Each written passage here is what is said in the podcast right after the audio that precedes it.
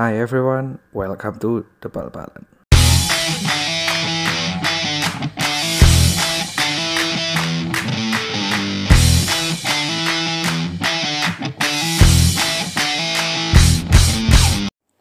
Hai semua, balik lagi sama gue Tommy Prago di podcast The Bal-Balan Hari ini adalah episode spesial Wah, kenapa spesial? Karena ini tuh sebenarnya jatahnya episode Ya kalau kalian ngikutin The Bal-Balan ya Kalian pasti tahu ya gue ada dua tipe format recording Ada recap sama episode.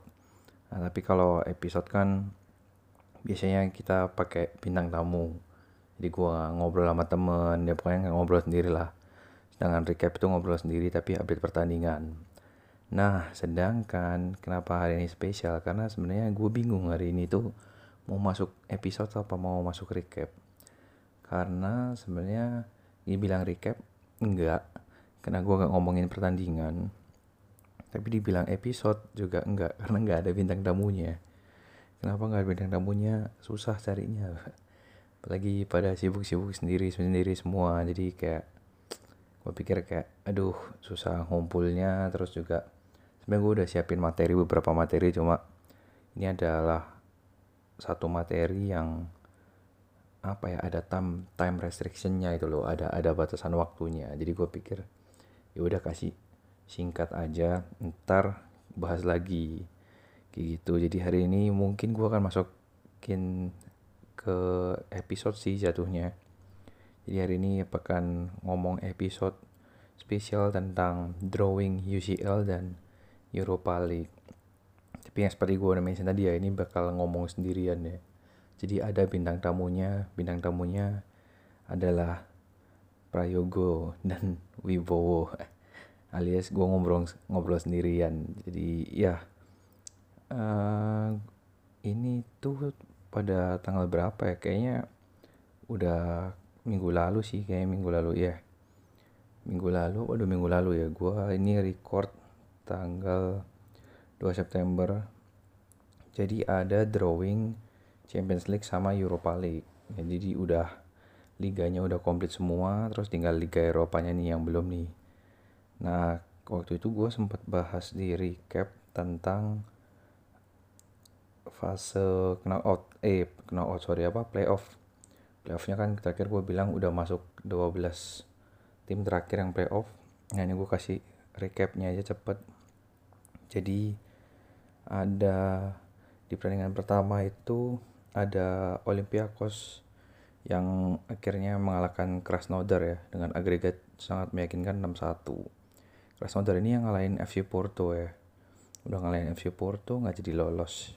Jadi ini di antara 12 tim ini yang menang bakal masuk Champions League di pot 4 rebutin slot terakhir pot 4 sedangkan yang kalah masuk Europa League ya.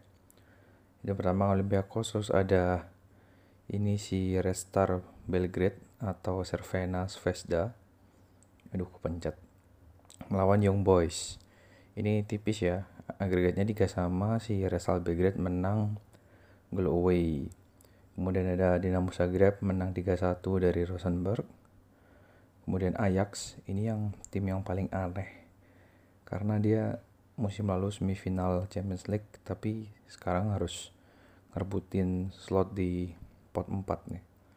Tapi ya jelas menang meyakinkan 2-0 lawan Apol Nicosia. Kemudian ada Slavia Praha juga menang 2-0 dari CFR Cluj. Ini yang nyingkirin Celtic ya. Sama nasibnya kayak Krasnodar nyingkirin tim gede tapi nggak jadi lolos. Ujung-ujungnya masuk Europa League doang ya. kemudian yang terakhir ada klub Bru. Ini klubnya Simon Mignolet ya.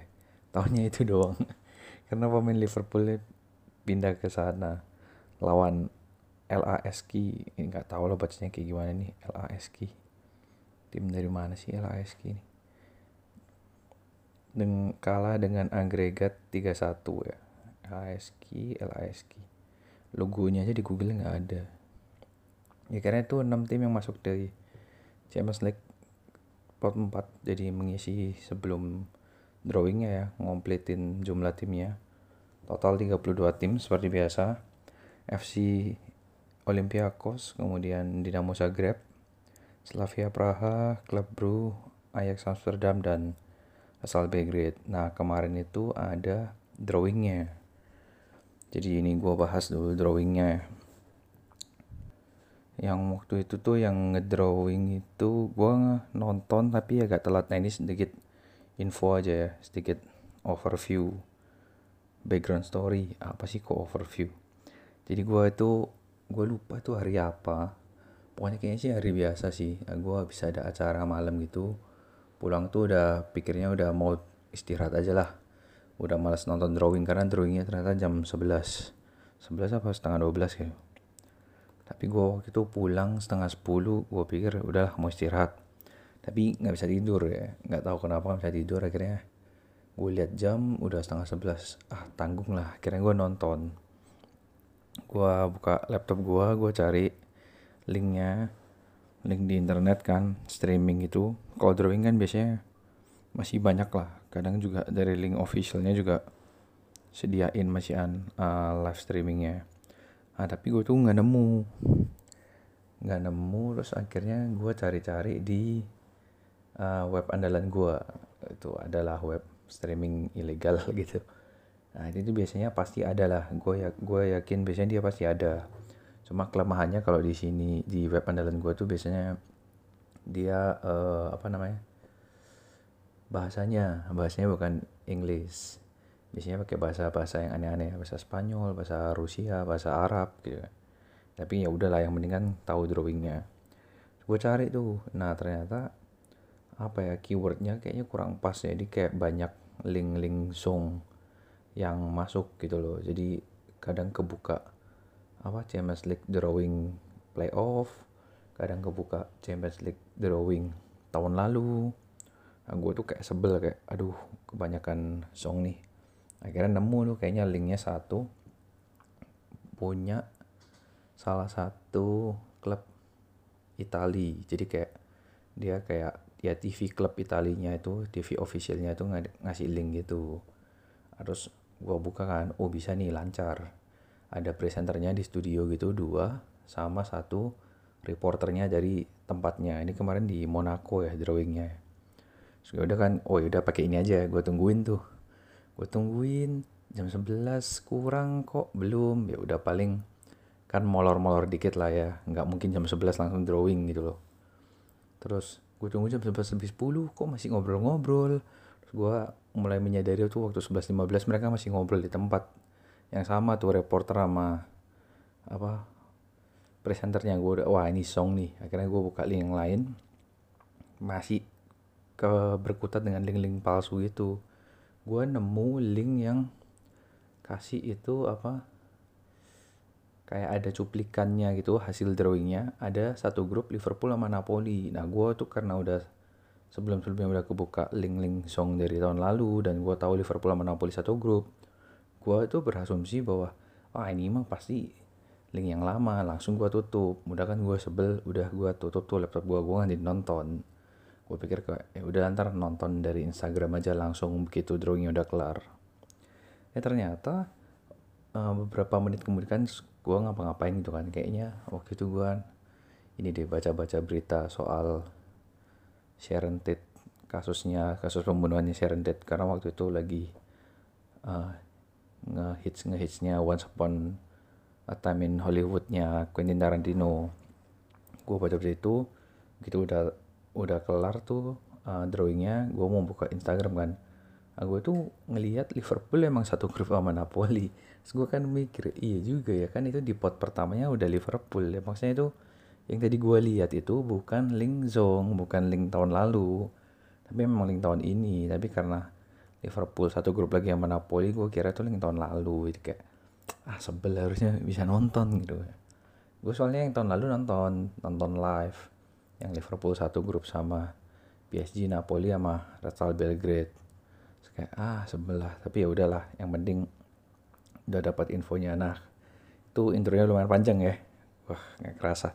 Jadi gue hari ini akan kasih overview dan kasih kayak apa ya pendapat gue lah mengenai drawingnya gimana. Dan kalau keburu nanti gue mungkin bakal bahas drawing Europa League juga. Meskipun di Europa League gue nggak ngerti juga nih. Banyak tim yang nggak ngerti.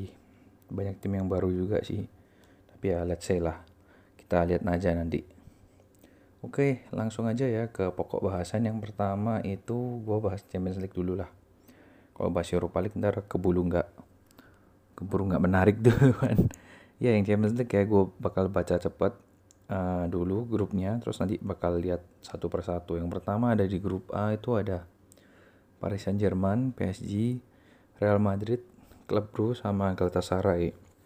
Ini kalau dari gua sih uh, sebenarnya kalau kalian lihat ya secara ya di atas kertas garis besar tuh sebenarnya tiap grup itu udah kelihatan sih. Yang lolos tuh ya itu-itu aja. Biasanya pot 1, pot 2 atau ya tergantung kalau pot 1, pot 2 nya lemah pot 3 nya dari top 5 liga di Eropa ya bisa aja. Kayak apa ya kasarnya tuh kayak kalau lu nonton bola ya let's say 10 tahun belakangan lu pasti udah bisa nebak lah ini tuh yang lolos mah itu itu aja gitu loh. Dan Champions League kan emang jarang ada kejutan di group stage kan. Bisa dihitung lah. Paling kejutannya di match-matchnya doang tapi untuk yang lolos itu ya masih bisa dibaca dulu tapi ya menurut gue kita bakal rantu sekaligus kita kayak kasih recap dikit lah kira-kira yang juara grup siapa yang runner up siapa. Ya kalau dari gue di grup A itu menurut gue yang bakal jadi juara grup tuh Madrid yang jadi runner up grup itu PSG sedangkan klub Bru sama Galatasaray itu gue nggak lihat mereka ada peluang lah untuk lolos. Karena secara prestasi juga kayaknya kurang oke. Okay. perbedaan kekuatannya terlalu jauh. Paling kalau mau bahas juara ketiganya itu paling Galatasaray ya yang akan masuk ke Europa League nanti. Jadi kenapa Real Madrid di atas PSG gue sih simply melihat sebenarnya dua tim ini bukan tim yang cukup oke okay musim ini ya musim ini. Kemudian terutama Real Madrid ya. Kita bisa lihat gimana Real Madrid ini sangat penurunan dibandingkan dia dua tahun lalu menang Champions League di Kiev itu lawan Liverpool. Ini gimana berubahnya Madrid ini kita bisa lihat lah dengan PSG sendiri kalau menurut gue sama PSG itu lebih ke jago kandang sih. Begitu masuk ke kancah Eropa meskipun kemarin lumayan meyakinkan jadi juara grup di grup neraka di atas Liverpool dan Napoli tapi juga berakhirnya kan tragis ya lawan MU gitu. Yang di mana MU sekarang bahkan nggak masuk Champions League. Jadi kayak gue lihat ya PSG ini nggak terlalu oke okay lah waktu bertanding di uh, kancah Eropa gitu. Dengan Madrid Madrid itu lebih punya ini apa namanya lebih ada ikatan khusus lah sama Champions League itu kayak seolah-olah meskipun lu lihat Real Madrid melempem di La Liga tapi di Champions League tuh dia bisa jadi seseorang yang berbeda gitu kalau menurut gue sih di sana meskipun ya musim lalu juga kalahnya sama Ajax. Tapi Ajax kan memang terbukti fantastis ya. Bisa ngalahin Juve yang ada Ronaldo juga. Jadi menurut gue ya memang maksudnya bukan kesalahan Madrid juga gitu loh. Kayak gitu. Jadi gue lihat Madrid di atas PSG ya untuk grup A. Untuk grup B ada Bayern Munich, Tottenham Hotspur, Olympiakos dan Real Belgrade. Real Belgrade ini BTW kalau kalian lihat tuh namanya sebenarnya yang nama aslinya itu Servena Svesda susah lah nyebutnya. Belibet ya lidahnya. Jadi gua Resal Belgrade aja. Itu kayaknya ada nama bahasa aslinya sama nama kayak nama terkenalnya lah hitungannya itu kayak apa nama panggung lah kayak gitu supaya orang tuh yang nggak ngerti nggak familiar sama berita uh, bahasanya itu bisa nyebutnya ya kayak gua gini Real Belgrade ini tim Serbia ya, tim Serbia. Kayak gitu. Nah, kalau dari empat tim ini di grup B, gue sih lihat jelas menurut gue Bayern Munchen ya. Meskipun musim lalu Tottenham Hotspur secara pencapaian lebih bagus, mereka masuk ke final, tapi menurut gue kalau untuk head to head bertanding itu Bayern Munchen itu jauh lebih kuat sih menurut gue. Spurs itu kayak klub yang lebih possible untuk inkonsisten dibandingkan dengan Munchen. Munchen kan musim lalu itu kalahnya sama Liverpool, which is juaranya Premier League. Dan ya Spurs juga kalahnya sama Liverpool gitu loh. Jadi kalau mau dilihat sebenarnya nggak terlalu berbeda. Kalau ini bego-begoan ya dari dari tahun lalu aja. Dan Spurs sendiri sebenarnya kalau dibilang tahun lalu bisa sampai ke final tuh lumayan mind blowing loh. Karena kan sebenarnya mereka penampilannya juga nggak terlalu oke okay. di group stage juga kelembungan dan apa yang penampilan terhebohnya mereka kan ya ngalahin City kan di quarter final. Itu pun juga tipis gitu loh ketolong VAR dalam berang kutip ketolong VAR. Jadi menurut gue kayak masih lebih ke Munchen sih. Lihatnya gue masih lebih ke Munchen. Apalagi di bursa transfer musim ini Munchen jauh lebih owning. Dia beli Lucas Hernandez beli Benjamin Pavard terus loan Coutinho. Menurut gue itu sebuah apa ya sebuah reformasi sih untuk pembaruan timnya komposisi timnya yang ditinggal beberapa pemain pilarnya. Robin Ribery Rafinha Matt Hummels itu tuh jadi timnya tuh masih masih seger gitu loh. Sedangkan Spurs cuma beli nggak cuma sih ya Tango Dombele Lo Celso sama Ryan Sessegnon. Cuma ya ya tahu sendiri kan Spurs juga beberapa match belakangan juga ngedrop kayak gitu. Jadi gue liatnya Munchen juara satu Spurs juara dua juara tiga mungkin gue liatnya lebih ke Olympiakos ya. Real Belgrade ini gue masih belum tahu sih sebenarnya kekuatannya sebenarnya sekuat apa. Tapi gue lihat ya berdasarkan potnya kayaknya masih oke okay Olympiakos. Langsung ke grup C itu ada Man City Shakhtar Donetsk Dinamo Zagreb sama Atalanta. Ini tuh yang gue sebel ya dari Man City itu. Man City itu gue merasa selalu diuntungkan kalau ada drawing-drawing itu seperti ini. Terutama di grup paling awal ya grup stage awal kayaknya udah nggak kehitung Manchester City itu berapa kali waktu drawing selalu dapat pot yang lebih mudah dibandingkan yang lain. Dan kayaknya hampir nggak pernah Man City itu ada di grup neraka yang sampai pot tiganya itu timnya masih bagus tuh nggak ada. Malah dia itu biasanya kedapetan pot dua yang paling gampang di antara yang lain. Nah di sini kan yang jadi undiannya jackpotnya kan Shakhtar Donetsk ya. Shakhtar Donetsk ini kan hitungannya pot 2 yang paling gampang dibandingkan dengan pot 2 yang lain ya. Spurs, Madrid, Atletico, uh, Benfica, Dortmund, Napoli, Shakhtar Donetsk kan yang paling gampang lah kasarannya. Dan City dapat gitu. Kayak sebelnya di sana. Tapi untungnya dia dapat pot 4 yang paling kuat menurut gua. Atalanta. Jadi kayak masih ada persaingan lah. Meskipun juga Atalanta kayaknya kekuatannya kalau dibandingkan dengan Man City ya masih jauh. Jadi untuk grup C ini kayaknya lumayan obvious ya. Udah pastilah ini hari-harinya Man City lah. Man City juara grup, kemudian juara runner up-nya gue pikir bakal Atalanta based on performance mereka musim lalu dan gimana mereka keep pemainnya sampai season ini masih ada. Gue rasa bakal jadi suatu kekuatan baru di Eropa nih wakil Italia ini dibandingkan dengan Shakhtar Donetsk dan Dinamo Zagreb. Kayak gitu. Mungkin juara tiganya lah Shakhtar Donetsk. Kemudian di grup T ada ini yang lumayan seru ada in Juventus Atletico Madrid Bayer Leverkusen dan Lokomotiv Moskow. Ini tuh kayak kalau gue bilang grup semi neraka atau neraka lapis 2 karena Leverkusen menurut gue juga cukup kuat. Si apa wakil Jerman ini untuk pot 3 itu kualitasnya ya masuk top tier lah. Sedangkan Juve sama Atletico ini kan kayak apa ya rivalitas baru di Eropa lah semenjak kasusnya kemarin tuh yang apa selebrasi Ronaldo dan Simeone itu yang saling men menyerang saling men apa sih? Ya pokoknya saling menyerang lah saling menghina gitu saling menyindir. Mereka ketemu lagi ya akhirnya nih Juve sama Atletico Madrid. Menarik sih. Ditambah lagi Atletico Madrid yang punya kekuatan baru nih. Udah nggak pakai Griezmann lagi pakai Joao Felix. Menurut gua tuh sangat menarik untuk disaksikan. Ditambah dengan ya Leverkusen sama Lokomotiv Moskow. Lokomotiv Moskow gua kurang tahu sih. Tapi dia untuk beberapa tahun belakangan berhasil menyingkirkan dominasi ini ya apa sih di Rusia itu timnya yang selain Zenit CSKA CSKA ya CSKA Moskow. Karena gue dulu mikirnya kalau Rusia itu selalu dua. Kalau nggak Zenit ya CSKA ternyata sekarang Lokomotif Moskow ya. Gitu. Untuk juara grup gue bakal sedikit uh, unpopular opinion. Gue leaning to Atletico. Nggak tau ya sejak awal musim ini dimulai itu gue selalu bilang bahwa gue merasa Atletico itu bakal jadi kekuatan yang sangat besar musim ini.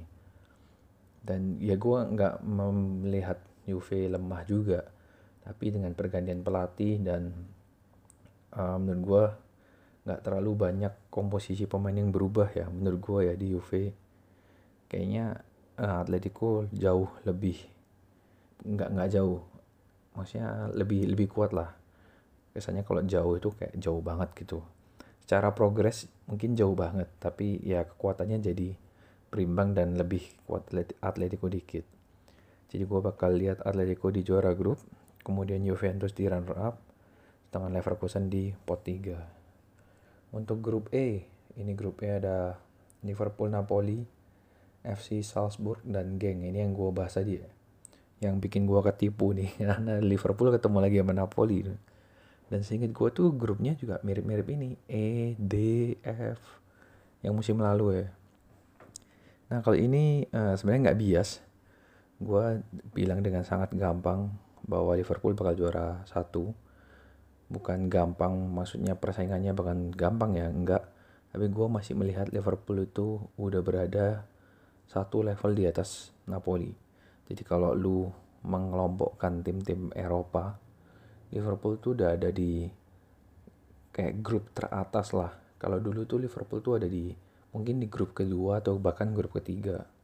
Tapi pasca Klopp datang dengan perkembangannya selama 4 tahun, sekarang Liverpool tuh udah ada di atas. Udah bisa lah lo tuh nyandingin Liverpool sama Juve, Bayern Munchen, Man City, Barca dan terbukti kan musim lalu Liverpool masuk sampai final tuh ngalahin tim-tim gede gitu loh.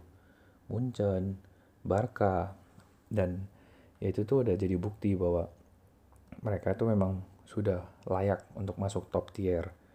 Musim dua musim sebelumnya meskipun kalah di final sama Real Madrid tapi mereka juga melakukan persaingan yang sengit gitu loh.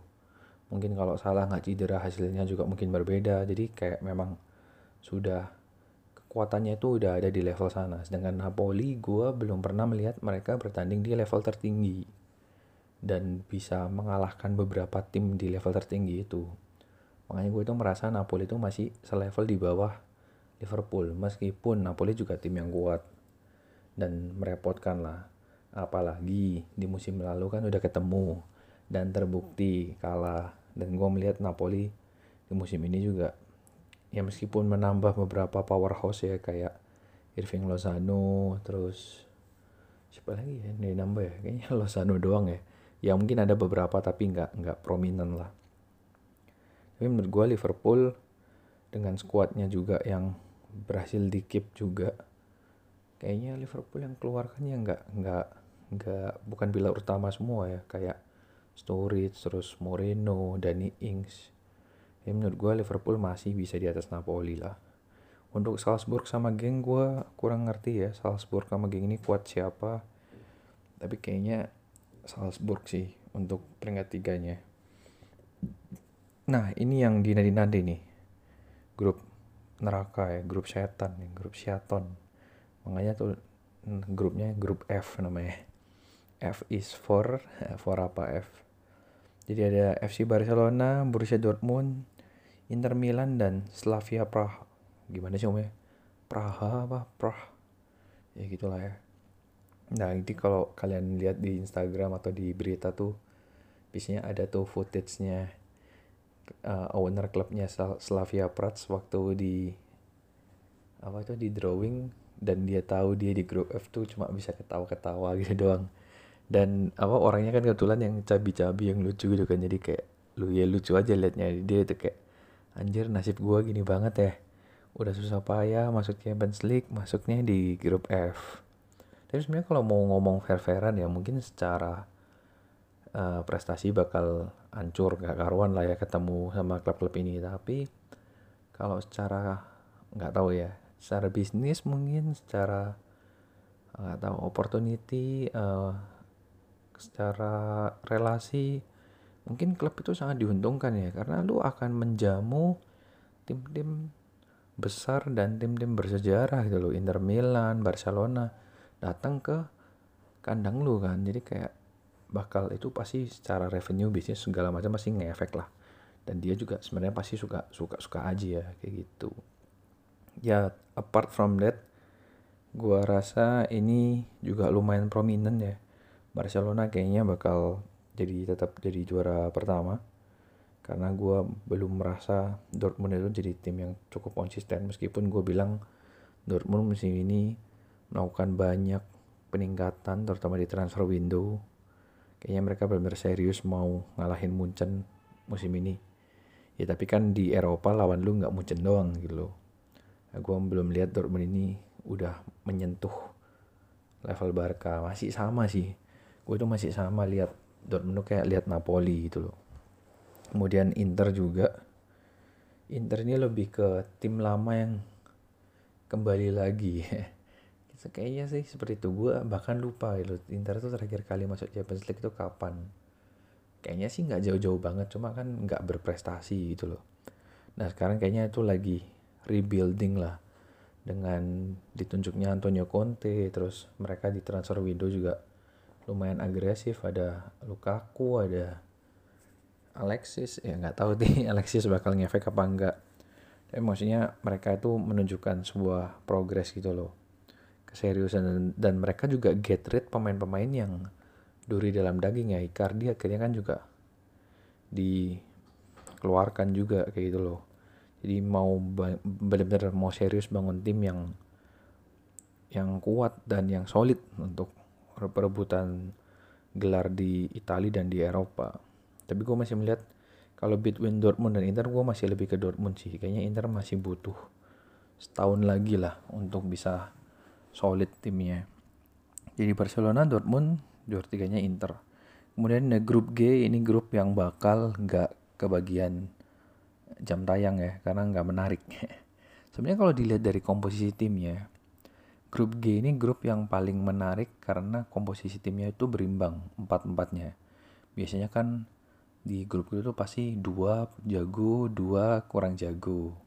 Atau ya tiga lah kalau lu bilang grup neraka kan biasanya tiga jago, satu nggak jago, satu ditumbalkan kayak Slavia Prah tadi. Tapi di grup G ini berimbang semua, cuma berimbang di level medium. Jadi ya klub-klub papan 2 kalau dari gue bilang level mungkin level 3 yang tapi semuanya level 3 ada Zenit Saint Petersburg terus Benfica Olympic Lyon sama Red Bull Leipzig. Kan mirip-mirip kan semua. Kayak lu tuh kalau disuruh pilih tuh bingung gitu loh. Kayaknya jago lebih jago siapa ya? Kayaknya bisa aja nih yang ini ngalahin ini tapi yang ini kalah juga sama yang ini. Kayak gitu tuh kayaknya bisa gitu loh. Nah kalau dari gua sih melihatnya sepintas ya kalau mau lihat sepintas. Kalau mau lihat detail mungkin harus butuh lihat mereka performa mereka beberapa match berikutnya. Tapi gue melihat sih kayaknya di atas kertas Red Bull Leipzig sih yang paling oke. Okay. karena liganya paling kompetitif dibandingkan yang lain. Dibandingkan Liga Perancis, Liga Portugal, sama Liga Rusia. Bundesliga itu yang lebih bagus. Dan mereka juga sekarang at that moment itu peringkat satunya. Jadi menurut gue ya salah satu yang kuat lah Red Bull Leipzig. Untuk keduanya mungkin Lyon karena Lyon juga berpenampilan cukup bagus di Liga Prancis musim ini. Yang ketiganya baru Zenit dan yang terakhir Benfica. Sebenarnya Zenit sama Benfica gue agak bingung sih, tapi kayaknya ya I don't know. Gue punya perasaan ke Zenit aja. Cie punya perasaan. Kemudian di grup H, grup terakhir ada Chelsea, Ajax Amsterdam, Valencia dan Lille. Lille ini kayaknya udah lama akhirnya masuk Champions League ya. Prestasi yang gantiin Marseille ya, yang udah melempem Marseille dan Monaco. Monaco ya ampun ya Monaco. Udah nggak ada kabarnya nih Monaco. Masuk Europa League sih Monaco. Ntar aja kita bahas Europa League ntar aja. Di grup terakhir ini I have a feeling that Chelsea nggak mungkin juara grup. Lolos tapi nggak juara grup lah karena gue merasa Chelsea itu punya banyak struggling lah di musim ini. Dan Lampard dan timnya tuh kayaknya bakal kelimpungan untuk ngatur itu. Belum lagi nanti kan kalau Champions League mulai itu pasti cup cup yang lain juga mulai kan. Carabao Cup FA Cup terus lu juga masih ada Premier League belum nanti Boxing Day. Wah gue lihat Chelsea itu pasti bakal kelabakan banget. Dan Ajax itu pasti bakal taking full advantage dari itu. Jadi gue melihat juara grupnya Ajax kemudian juara duanya Chelsea juara tiganya baru Valencia dan juara terakhirnya Lille ya which is obvious. Tapi gue juga masih punya feeling bahwa Valencia ini kalau benar-benar fokus ya bisa aja juga loh ngerepotin Chelsea dan mungkin bahkan Chelsea yang harus turun ke Europa League.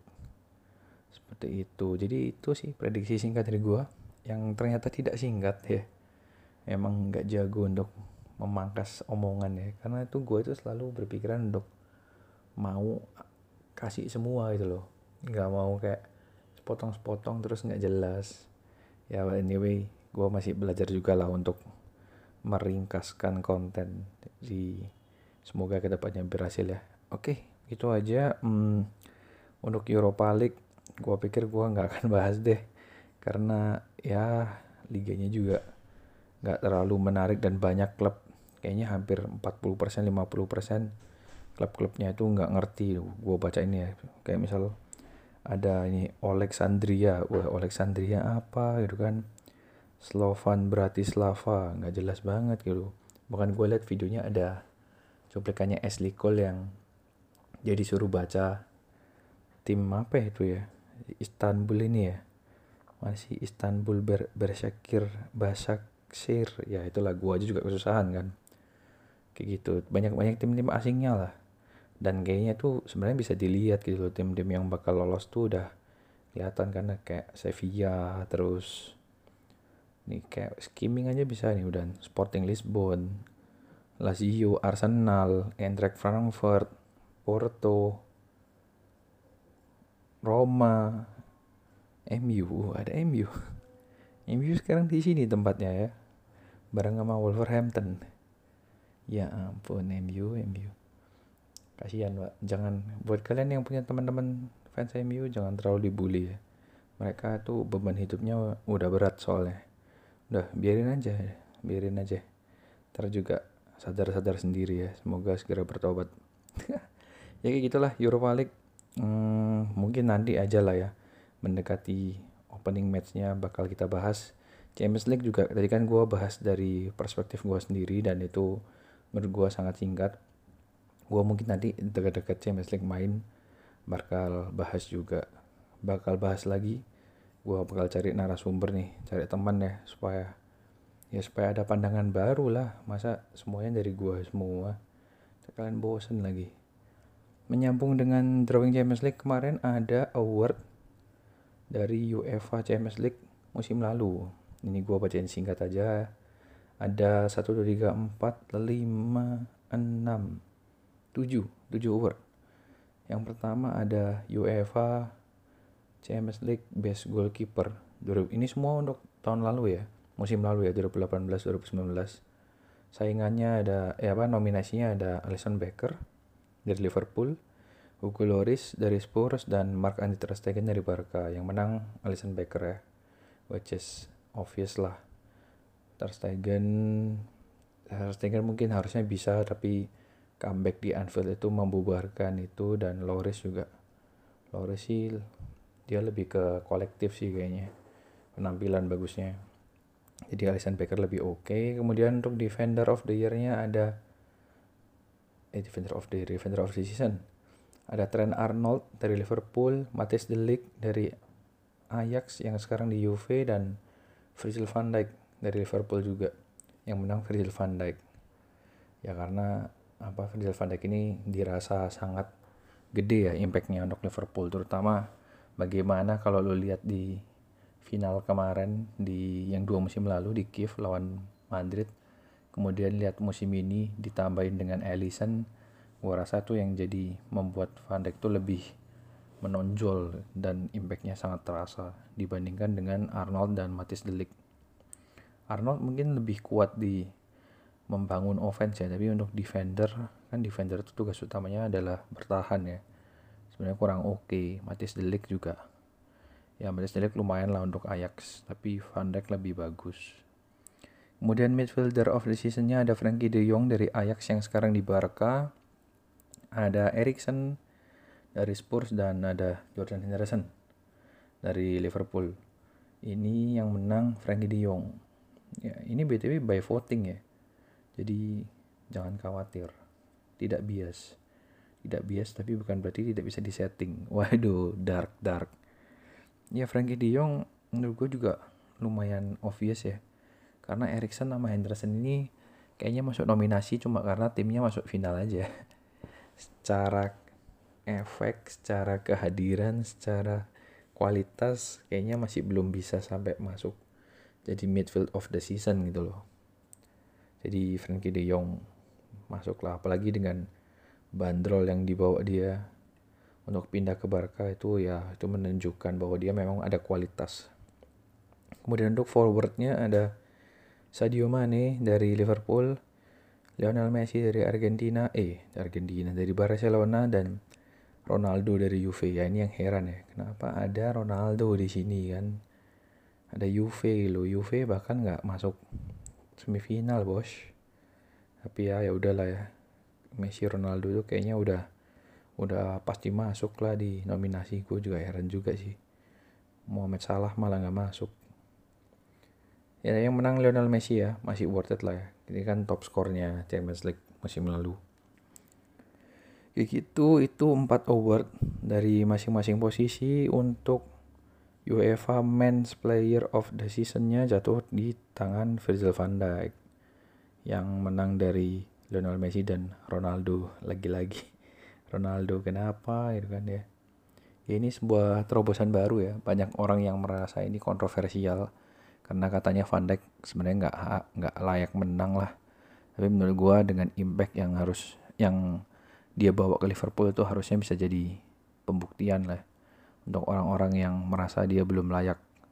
Ya kan Messi Ronaldo itu timnya ya itu itu aja gitu meskipun Ronaldo pindah dari Madrid ke Juve juga tapi impactnya di Juve kan belum kerasa. Dan Juve juga dari awal kan memang sudah hari-harinya udah oke okay gitu loh. Ya juara Serie A doang kan kemarin si Juve. Ya kan juara Serie A kan ya ya tanpa Ronaldo juga Juve bisa gitu loh Sedangkan Van Dijk ini membawa Liverpool juara Champions League setelah terakhir 2005 itu loh. Apalagi Liverpool sempat benar-benar terpuruk yang bahkan nggak masuk Champions League. Jadi menurut gua ya layak lah Messi dengan Barcelona ya kan ya udah emang Messi dan Barcelona emang kayak gitu.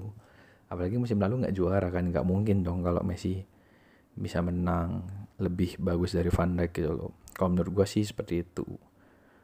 Kemudian ada ini ya yang UEFA Women's Player of the Year. Yang menang itu yang menang Lucy Bronze dari Lyon. Mengalahkan nominasinya ada ada Hagenberg dan Amandine Henry. Dari Lyon semua. Wah buset. Top 3 nya satu klub semua ya. Kayaknya Lyon emang terlalu prominent ya untuk sepak bola cewek itu award ke-6 1 2 3 4 5 6 ya. Award terakhir ada Europa League Player of the Season. Itu ada Olivier Giroud dari Chelsea, Eden Hazard dari Chelsea yang sekarang ke Madrid dan Luka Jovic dari Frankfurt yang sekarang ke Madrid. Diborong semua sama Madrid ya. Yang menang Eden Hazard, ya, which is obvious lah. Jovic dan Giroud ya impactnya nggak sekuat Hazard. Oke, gue rasa itu dulu untuk episode kali ini, episode dalam tanda kutip spesial ngobrolin drawing. Gue cuma FOMO aja sih sebenarnya. Takut drawingnya itu nggak kebahas. I think kita bakal ketemu lagi di recap berikutnya. Karena ini pertandingan minggu kemarin juga belum gue bahas. So ya yeah, gue akan bahas di episode recap ya seperti biasa. Thank you semua buat yang dengerin. Jangan lupa follow IG double balan THEBAL2AN karena ada segmen ekstra baru sekarang ada klasemen gue bakal meranking semua klub di top 5 Eropa di top 5 Liga Eropa berdasarkan performance mereka di tiap minggu ya Oke, kayak gitu aja. Stay tune. Thank you semua and see you.